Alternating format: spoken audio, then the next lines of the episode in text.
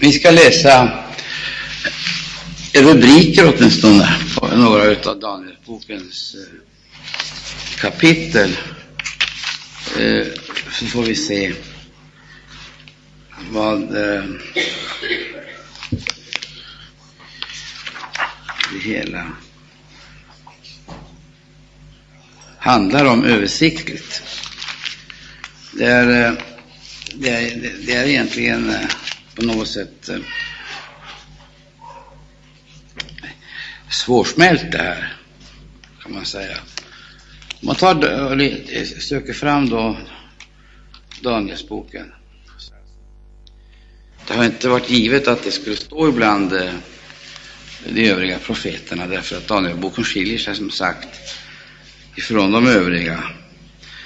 Daniel, han har alltså inte samma bakgrund. Vi kan inte läsa i eh, hans eh, biografi något om en personlig kallelse till profetämbetet. Jesaja har det, Jeremia och Hesekiel och de andra beskrivs eh, på ett mycket markant sätt att det var människor som eh, togs ut genom en djupgående personlig kris och en förvandlande och eh, omvälvande kallelse till just profetämbetet. Men då det gäller Daniel så saknas det här. Och han var för övrigt ganska ung då hans eh, livsinriktning, skulle man ju kunna säga, tvångsmässigt avgjordes. Det var alltså inte ett frivilligt beslut. Det var, eh, det var betingat utav omständigheter som eh, var mycket svåra. Och att han blev eh, fånge i eh, världsriket, det sammanhänger troligen med att han var fostrad, född och fostrad i en förnäm och eh, framstående israelisk familj. Det gick nämligen till så när eh, krigsherrarna gjorde sina intåg så tog de fångar ur förnäma familjer. Och det, det förstår vi att det var en mycket klok politik därför att man överförde dem då till olika platser i världsriket, framförallt till hovet kungaborgen och så vidare, där de fick sin alldeles speciella utbildning och fostran. Eh, de ynglingar som vi kan läsa om i Danielsboken, de blev på det sättet placerade i eh, världsrikets centrum, maktcentrum. Och avsikten var alltså att de skulle bli eh, tjänare. Och det med flera, det med flera, det, det med flera då, eh, avsikter. Jag ska inte gå in på det, men det som, är, det som är oerhört gripande i det här sammanhanget, som jag tror vi har väldigt mycket att lära utav, det är att Gud vet allt. Han vet allt och det som ser ut som eh, tillfälligheter och förefaller vara, förefaller vara mycket svårt är trots allt ett uttryck för gudomlig omsorg. Det här måste man alltid tänka på När eh, Daniel och hans eh, bröder kommer ner till världsriket så vet vi ju att de på ett markant sätt skilde sig ifrån övriga ynglingar ifrån andra håll och från andra kulturmiljöer. Han skilde, de skilde sig radikalt ifrån de övriga.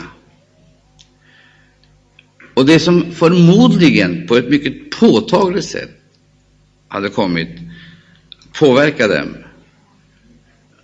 det var eh, den väckelse som eh, de hade varit med om. Det var intrycken ifrån, jag kallar det för Josias reformerna, Josias väckelsen.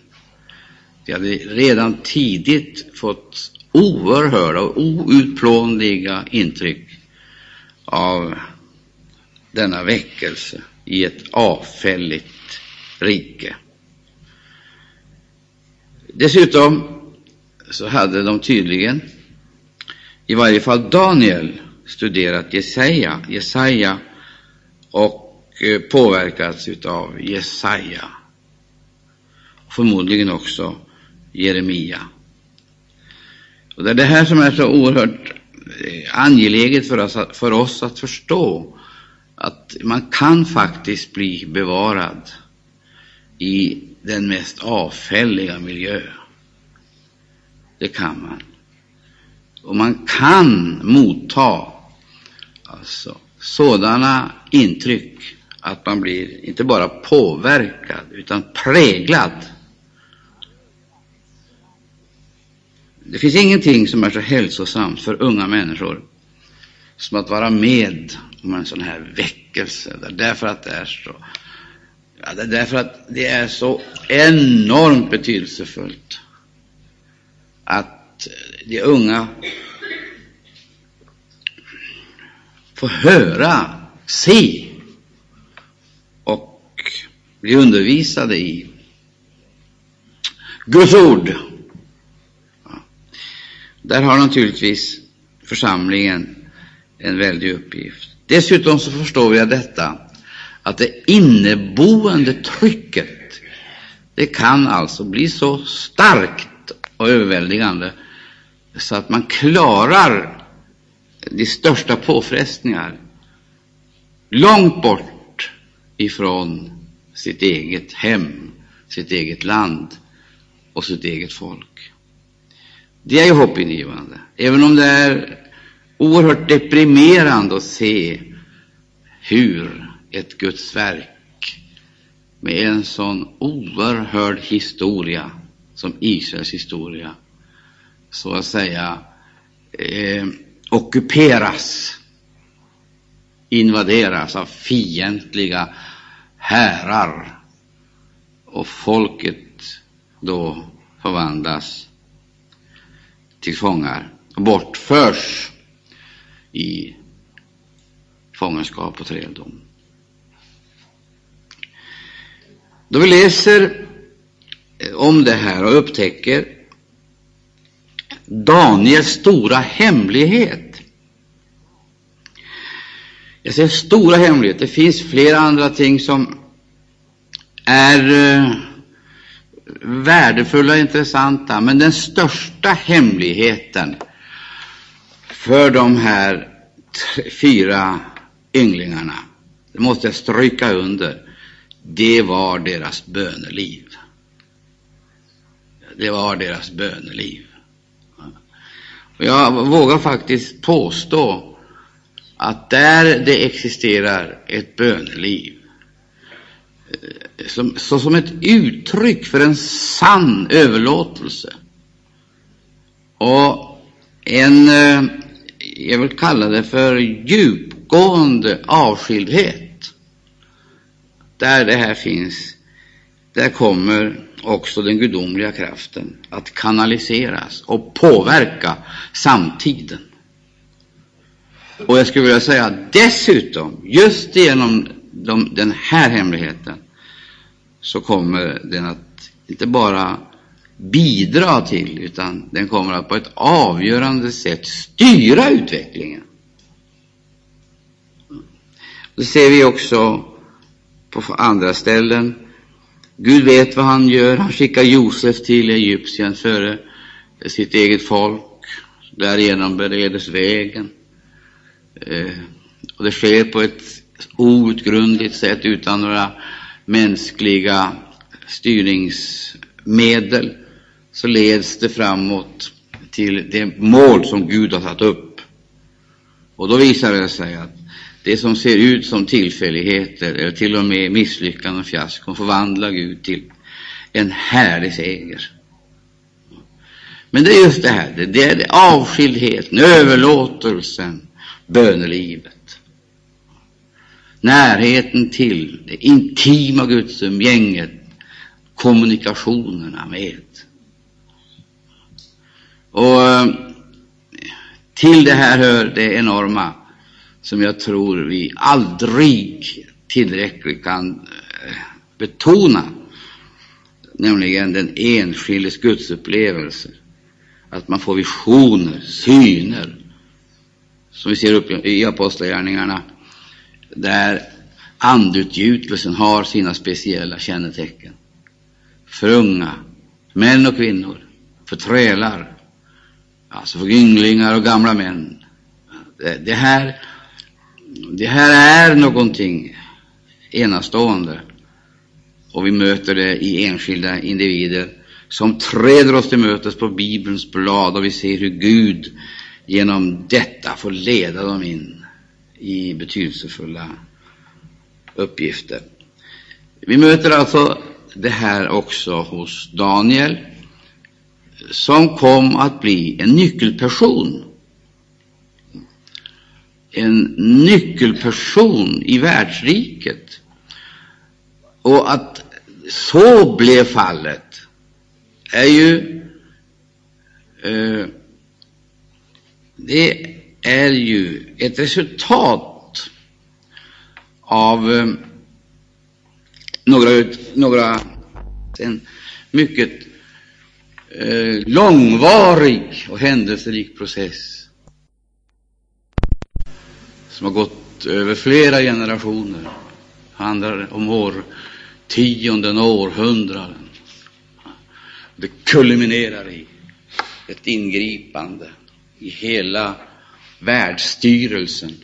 Och i centrum för det här står några ynglingar som har en direktgående förbindelse med himlen. Jag tycker symbolen här är så oerhört talande. De unga som går upp i sitt rum, öppnar fönstret mot Jerusalem och beder. Och som har denna beslutsamhet om Gud i himlen vill eller får, får, vill eller förmår bevara oss. Får bli hur det vill, men en sak står säker. Vi kommer aldrig att böja knän, våra knän och tillbedja någon bildstod. Alltså, bara, bara man eh, liksom snuddar vid den oerhörda framställningen i det här budskapet så, så blir man, man blir tagen. Och så vet man att det här är inte något civilkurage, intränat eller ett slags moraliskt mod som resultat av en speciell karaktär, utan detta är ett gudomligt verk. Det är någonting Gud har gjort. Och eh, det Gud har gjort, det övervinner och överlever alla motståndskrafter, alla fiender. Antingen det är lokalt, internationellt eller nationellt eller internationellt så kan förstarna inte övervinna och besegra. Det kan se ut som Guds folk skulle lida nederlag, och det ser ju faktiskt så ut med fångarna vid Babels floder. Men Gud verkade. Och så inledes här en helt ny historia, både med avseende på världsstyrelsen men också med avseende på frälsningshistorien. En helt ny epok. För det är självklart, tiden begynner ju inte i Babylon. Den, tiden börjar ju inte då Israels, eller Juda och Israels konungar blir avsatta. Då deras eh, troner övertogs av hedniska furstar. Och landet invaderades, alltså ockuperades av hedniska härar. Tiden börjar inte där. Det hade funnits riken förut, Egypten, Assyrien och andra riken. Tiden börjar inte, och ändå så börjar en helt fullständigt ny epok. Och lägg märke till uttrycket, en helt ny epok. Då Israels roll på ett nästan otroligt sätt förändras och ge, man får intryck av att det håller på att utplånas. Och man eh, skulle nästan kunna tänka sig att det här folket, de här slavarna, det här förslavade folket kommer att assimilera sig i så till den milda grad att det upphör att vara en andlig maktfaktor. Att det upphör att kunna ut, eh, uppfylla eh, förutsägelserna. Att det har så eh, degraderats att man inte längre kan tala om Abrams, Isaks, Israels arvtagare och eh, bärare av löftets ord, profetbudskap, profetiska budskap. Det är nästan som om de skulle vara utblandade. Och det här markeras så klart, det markeras så tydligt, därför att om vi tittar på exempelvis frälsningshistorien så kan vi ju i denna frälsningshistoria se eh, den ena epoken avlösar, avlösar den andra. Det är helt klart. Vad jag vill betona nu, utan att eh, fastna i detaljerna, som ju är så oerhört eh, spännande, det är alltså att man kan se att varje tidsålder den har alltså sitt speciella kännetecken. Den kan vara kortare eller längre. Den börjar alltså med Guds uppenbarelse av sin frälsning för kommande släkte, men slutar i människans totala förhärdelse och förstockelse. Då har Gud en kvarleva, någon eller några, som han tar ut. Eh, eh, och börjar om igen. Så kommer då slutet på den tidsåldern, ett liknande kaos, och vi har markörer exempelvis, syndafallet, syndafloden, Babels torn. Och så vidare. Så har vi eh, Golgata, tillkommelsen. Så man skulle kunna säga så här, människan hon förbrukar sina möjligheter och förhärdar sig så att hon blir otillgänglig för Guds frälsning. Hon marscherar vidare, rakt in i kaos och katastrof. Så upptäcker hon så småningom hennes era, den slutar alltid med dom, straff och det här är ju kolossalt typiskt, skulle jag säga. Alltså för att om man har den här, den här alltså eh, verkligheten klar för sig, då förstår man mycket bättre alltså frälsningshistorien och Guds vilja att trots människan eh, förhärdelse och hennes oerhörda eh, motstånd emot Guds vilja. börjar han om igen. Han börjar om igen. Han börjar om igen. Han ger, människor, han ger människorna en förnyad kallelse, förnyat uppdrag. Men samtidigt så måste vi komma ihåg att efter varje sån här e-, epok så händer det någonting med människan. Också den människa som Gud så att säga i nästa epok börjar med är skadad. Hon har tagit skada. Därför ser vi också de åtgärder som Gud vidtager. De får ständigt, ja, ständigt ny karaktär. Det, är, eh, det, det, kan uttalas på olika sätt naturligtvis, eh, på ett helt annat sätt än vad jag nu här gör. Men vi ska aldrig glömma exempelvis då vi läser om, eh, om människan som då drivs ut ifrån lustgården, så befinner hon sig ju i en helt ny situation. En fullständigt ny situation. I lustgården finns det ingenting som talar om att människan exempelvis hade några verktyg eller redskap eller några instrument. Ingenting sådant. Men vi ser hur det här så att säga föds fram under människans kamp för tillvaron, då hon eh, kastas in i ny, en ny situation. Och Gud kommer till människan.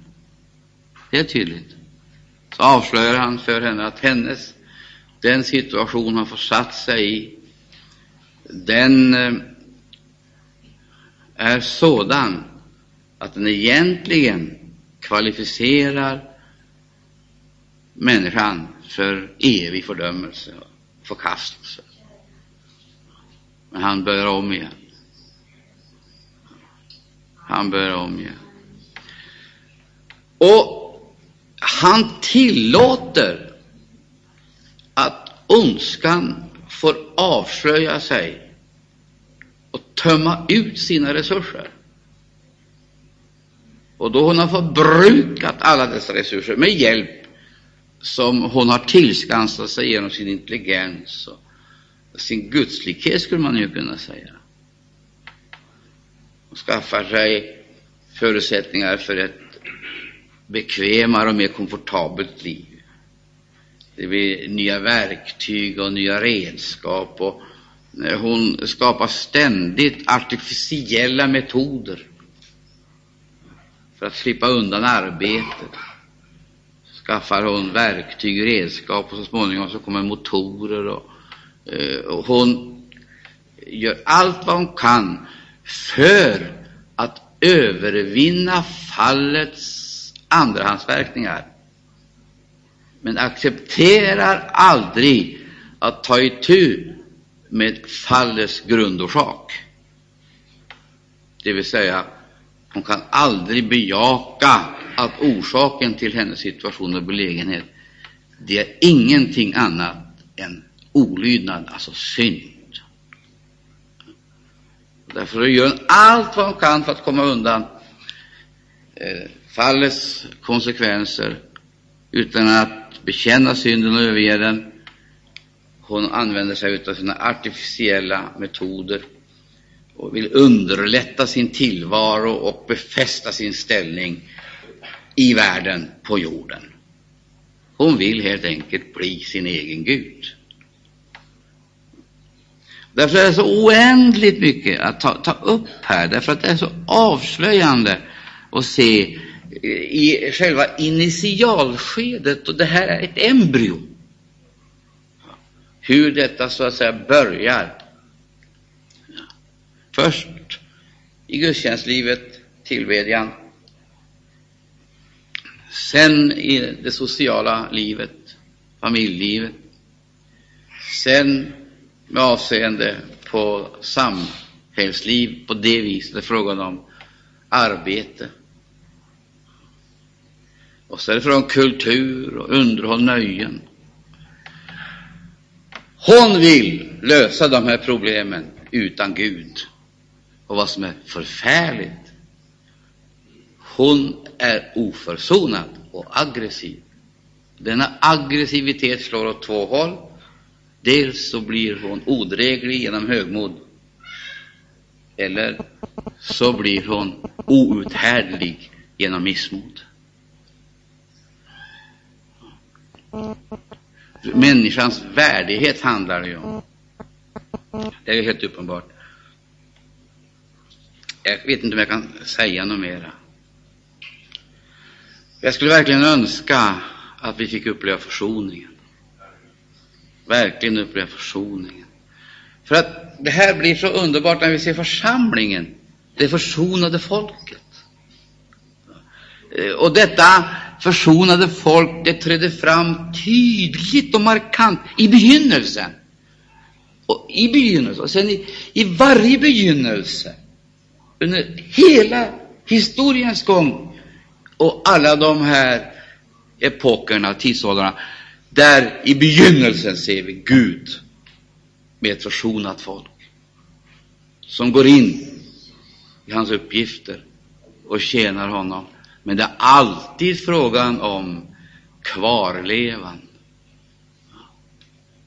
Det är alltid frågan om ett rotskott i förtorkad jord.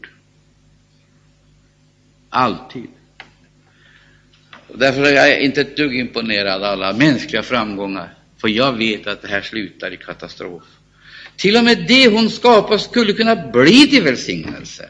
Det blir till förbannelse, därför att det är i händerna på en oförsonad människa som tror sig kunna komma ut ur synd och vidrighet genom att förbättra sina yttre livsvillkor. Men jag måste säga, jag är så djupt skakad av detta, att Gud, han överger aldrig sin plan. Det gör han inte. Han kommer att föra den till seger, härlig seger. Och därför är vi väldigt tacksamma att vi får vara föremålet för hans kärlek. Han har ett program för oss och en framtid.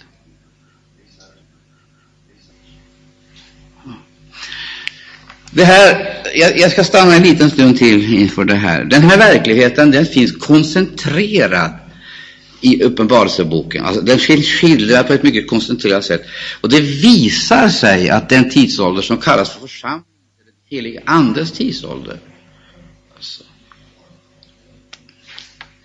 den tidsålder som Gud verkar genom den heliga Ande för att ta ut ett folk Ta ut ett folk, sanna gudsmänniskor, som beflitar sig om att göra vad gott är. Som han då har givit sin egen son och som han bär med sitt eget ord och använder för, för tjänster och funktioner genom den heliga Ande, som är så privilegierad Alltså, det finns inga möjligheter att på något vis värdera det. Man mäktar inte med att värdera detta, denna Guds enorma nåd. Då förenar hon sig, denna människa, och använder allt detta till att bygga ett Babel, mycket, mycket värre än dess första, än det första. Och hon får ett Babylonsvälde. Ett Babylonsvälde som är något utav det i särklass värsta människan har förmått åstadkomma under sin vandring genom historien. Det finns förebilder, Gamla testamentet, det gör det, men de, de är för det första avgränsade med avseende på spridning. Och de är dessutom begränsade med avseende på djup och höjd. Det är de. Men här släpps ondskan loss. Det är nästan som om gränserna mellan människan och demonerna utslätas. Och det är en upprepning av det vi har läst i Gamla testamentet om människornas söner och om Guds söner och människornas döttrar. Men i, i Uppenbarelseboken, där har vi alltså inom den här tidsåldern, församlingens tidsålder, ska vi kalla det för en bild, ett profetiskt spektrum, alltså, där vi kan se ett händelseförlopp som eh, ja, det är synnerligen deprimerande. Eh, om vi nu ett litet ögonblick stannar inför Johannes uppenbarelsebokens eh, första kapitel. Eh, där är det första kapitlet. Där kan vi läsa ifrån den första versen. Vi måste, lägga, vi måste tillägga här, observera, att denna uppenbarelse, den har, ingen, den har inga, eh, har ingen kontakt med de lögner som härskar på jorden i olika sammanhang. Och det är definitivt inte en skvallerkrönika. Utan det är en ensam och isolerad, mycket tuktad och erfaren apostel som sitter i en fängelsehåla ute på en ö, långt bort ifrån all närhet till människor och påtryckningar från världsanda. Och han säger så här, när, när jag sitter med det här ordet så, så, vet jag inte riktigt hur jag ska behandla det eller hur det ska få behandla mig. För det här, det, det här är så storslaget. Herren vänder sig till sin tjänare i hans isolering ute på en ö. Vilken ö var det? Va? På Patmos. Den ön, den är känd. Den är känd. Den är känd för där placerade man politiska fångar. Så man måste på ett eller annat sätt alltså, eh, neutralisera eftersom de ansågs mycket farliga. Och på en sån här ö kom gamlingen behandlad som en farlig militär, samhällsfientlig. 90 år, eller i varje fall strax i närheten av 90 år. Han var farligare än en armé för världsriket. Alltså, det här är så gripande. Det här är så gripande. Här har vi alltså Daniel igen. Gestaltad vars främsta kännetecken återigen Guds närvaro och böneliv som öppnar dörrarna för sann kunskap om, nu, om forntid, nutid och framtid. När jag, när jag, när jag ser den här bilden för min, mitt inre öga, då blir jag så förkrossad den här gamle gubben, höll jag på att säga, han var farligare, betraktades som mycket farligare än spioner, soldater och politiker som måste isoleras för sin eh, eh verksamhet, subversiva verksamhet. Och jag, jag, jag, skulle vilja säga tack gode Jesus, tack gode Fader för Daniel.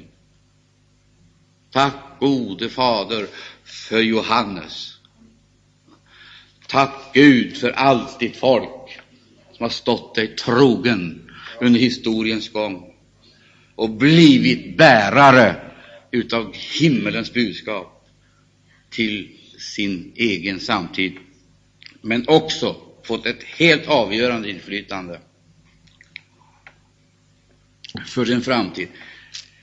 Tänk vad denne man, Daniel, betydde för sitt folk, sitt avfälliga folk. Tänk vad denne Johannes har betytt för församlingen. Förklara det. Sök hitta förutsättningarna och villkoren. Det finns bara ett. Närheten till gemenskapen med Herren Jesus Kristus. Och eh, så säger han, så här inleder han den här ensamme mannen. Jag vet inte vilken kamp han utkämpade i ensamheten där ute. Jag vet inte det.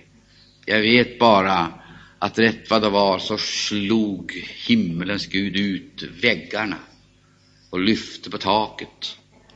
Och då såg han, då såg han ut över gränserna och rakt in i det eviga Jerusalem. Och han har beskrivit detta Jerusalem på ett sådant sätt så att det finns inga möjligheter för oss att kunna förstå det om inte Anden får öppna våra sinnen och ge oss skärpa. Det är en dimension dit vi inte når med egen intelligens kapacitet. Här talas det alltså om sådana ting som, ja, det, det, finns tusen och en sak som jag skulle lyfta fram. Där behövs det inget tempel, säger han. Ingen sol finns där. Och så vidare. Så förklarar han varför.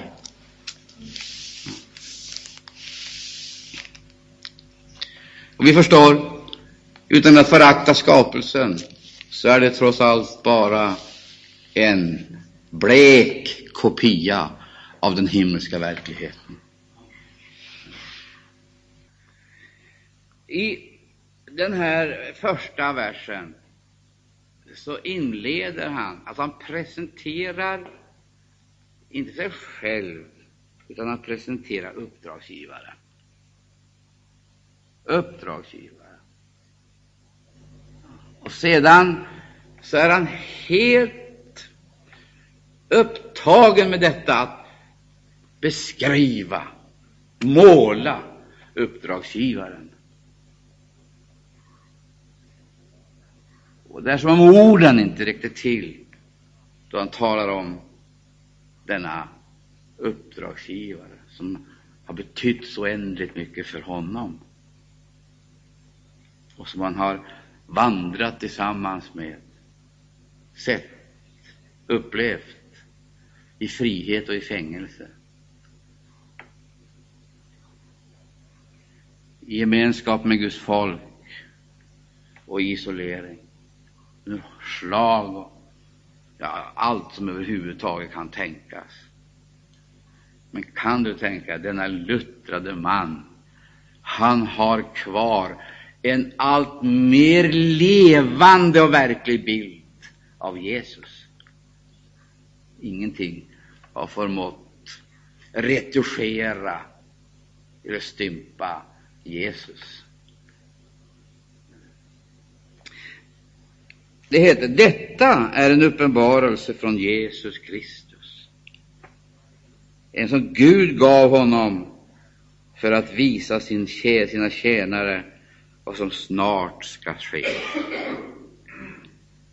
Och medelst ett budskap genom sin ängel gav han det till känna för sin tjänare Johannes, som har vittnat och fram, som här vittnar och frambär Guds ord och Jesu Kristi vittnesbörd, allt vad han själv har sett.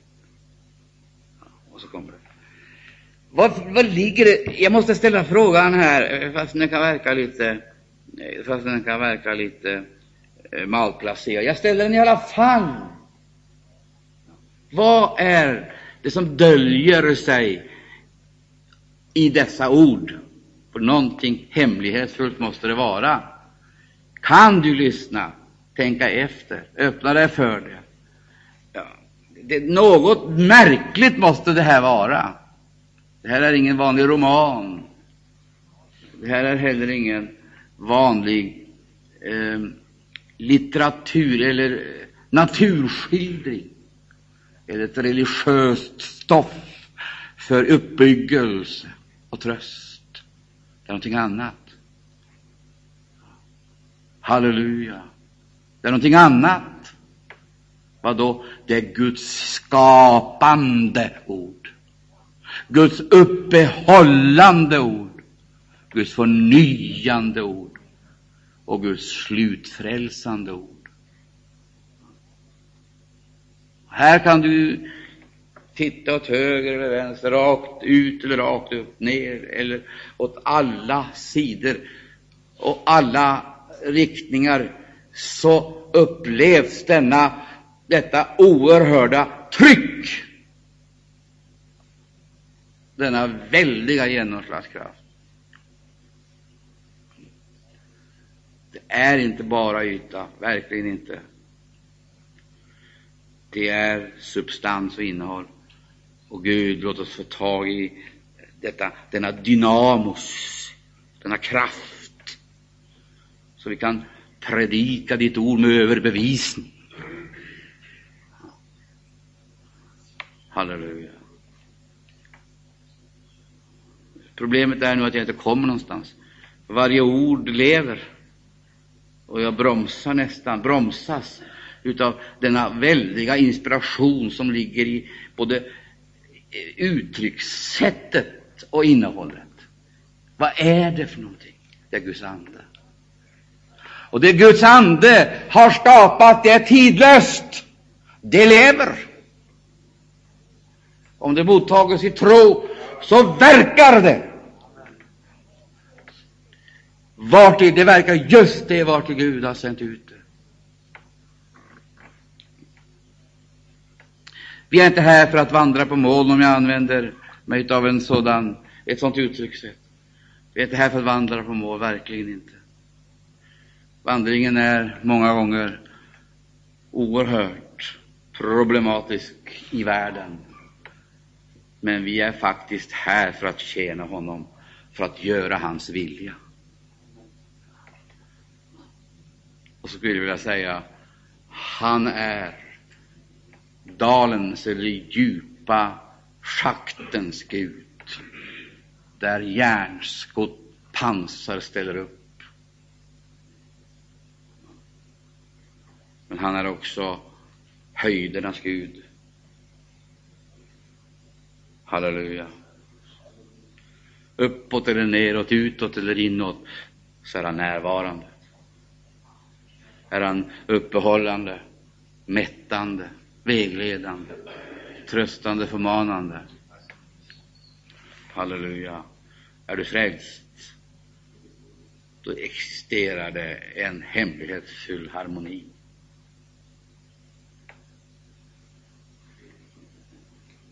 Jag läser det här, för det här kommer, det här kommer eh, med en sån oerhörd överbevisning. Salig är den som får uppläsa denna profetias ord. Och saliga är de som får höra dem och som taga vara på vad däri är skrivet. Och så kommer ty tiden är nära. Syskon, får jag se på er. Jag drar den slutsatsen av den här saligförklaringen. Denna trefaldiga saligförklaring drar jag den slutsatsen att ju närmare vi kommer hans tillkommelse, ju närmare vi kommer, så kommer denna salighet att bli allt tydligare hos dem som väntar honom. Allt mer markant. Och det är ett utav de eh, mäktiga, skulle jag vilja säga, ett utav mäktiga skälen till en, ett ökat svalg mellan Guds folk och världen. Salig i nöden, salig i strid, salig i döden, salig alltid. Det får du vara om du blir frälst. Halleluja. Salig visshet, Jesus är min. Nu kan jag lycklig sjunga hans pris. Nu kan jag salig sjunga hans pris. Halleluja. Salig du trängda skara. Salig du lidande skara. Salig du vetgiriga skara. Du längbara. Jesus är din. Hans ord är ditt.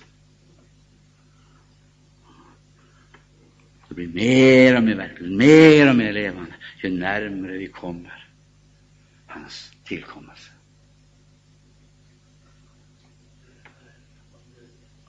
Halleluja. Och det är denna salighet som det här är tal om. Det är denna salighet som ska bevara oss.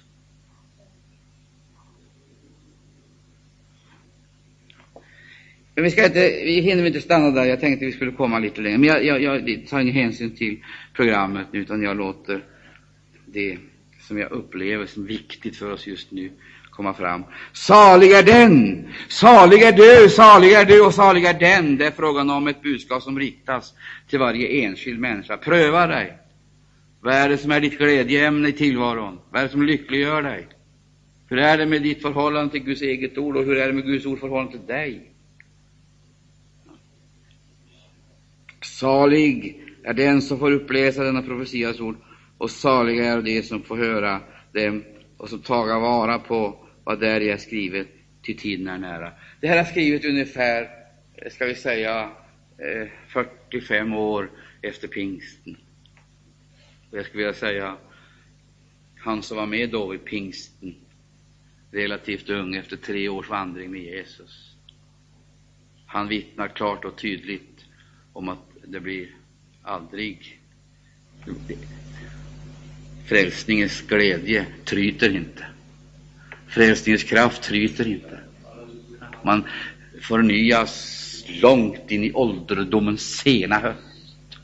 Och man uttalar sig med en salighet och en överbevisning som den första tidens upplevelser inte förmådde uttrycka. Vet du vad det kallas för? Det kallas för tillväxt. Att växa till i kraft. Hör du det? Växa till i tro. Växa, växa. Utvecklas. Jag skulle säga så här, en levande kristen avlövas inte. En levande kristen gör erfarenheten han bär tolv rika skördar om året.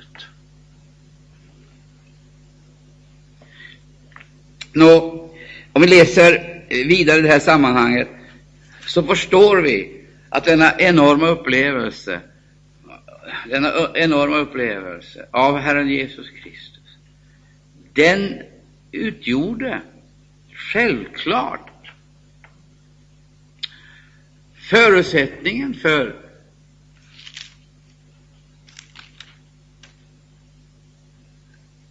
hans längtan efter, behov av, vilja till och förmåga att måla Jesus. Vi kan ju hålla på med allting annat och vi tröttnar på det. Men om vi målar Jesus, då, då får vi någonting som mättar. Jag, jag, jag, talar på det här sättet just därför att när vi sedan kommer fram till andra kapitlet så är det som om det, det, det har skett en solförmörkelse. Man undrar vad som är orsaken. Vad som är orsaken. Ett stjärnfall och en solförmörkelse. Skriv till församlingens ängel, församlingens sändebud, församlingens stjärna. Skriv. Jag har det emot dig. Alltså, så ser vi också här i denna nya tidsålder. Det går ett antal år och så inträffar det tydliga förändringar som leder fram till samma kaos och katastrof. som under alla andra epoker i Gamla testamentets tid. Vi får se ett profet, profetiskt perspektiv, sju församlingar och därmed också sju epoker. Av dessa sju församlingar är det två som tydligen har varit mån om sina gudsrelationer. Kämpat för att bevara närheten till överherden och släktskapen med trons folk. Möter ett Efesus, Smyrna,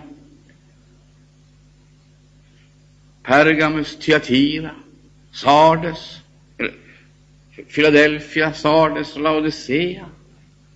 Där ser du, Gud börjar, Gud börjar, Gud börjar, och ändock så ser vi hur människor tar hand om och materialiserar detta Gud har gett för sina egna mer eller mindre själviska syften, också religiösa.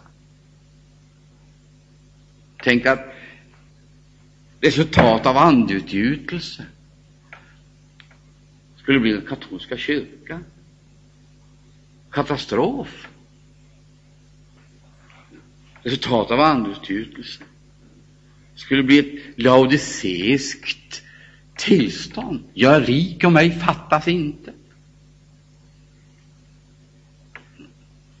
Tänk att andeutgjutelsen var så mäktig överbevisande markant och konkret tänk att denna andeutgjutelse skulle bli ett Sardes som har namnet om sig att lever, men är död. Som får uppmaningen att styrka det som ännu är kvar. Vad är det som är kvar? Kvarleva. Där har du det i repris. Men Herren, himlens Gud, upphör inte då han har blivit utvisad, eh, kultiverad bort. Kultiverad bort, eller på annat vis, så att säga. Manövreras ut. Så står han där. Se, jag står för dörren och klappar. Han håller ut. Om någon hör min röst. Där har du återigen kvarlevan. Om någon kvarlevan. Halleluja. Gud tillåter inte Gud tillåter inte att hans vittnesbörd tystnar. Det gör han inte. Därför vill jag säga, det här det deprimerande beskedet som vi kan liksom utläsa ur detta, denna profetia som gavs åt den isolerade aposteln ute på Patmos. Halleluja! Det dör inte bort. Och om hela kristenheten faller, så finns det trots allt, om alla de troende eh, så att säga uppslukas av jord och värld, så har han några kvar som inte har böjt knä eller gett bar hyllningskyssen. Kvarleva. Han hade, han hade Josef i Egypten. Han hade eh, Sadrak, Mesak, Abenego och Daniel i eh, Babylon. Jag kan fortsätta att räkna upp. Han har dig och mig nu. Halleluja, håll fast. Håll därför fast det du har. Var rädd om det. Håll fast det, så ingen får ta din krona. Och ska du få veta någonting om dig själv, samtiden, forntid och framtiden, då ska du gå till dessa, för de vet det. Fråga Josef. Fråga Daniel. Fråga kvarlevan. Fråga Hanna. Fråga den åldrige mannen i helgedomen. Fråga dem. De vet. De vet. De är inga trollkarlar. De vet.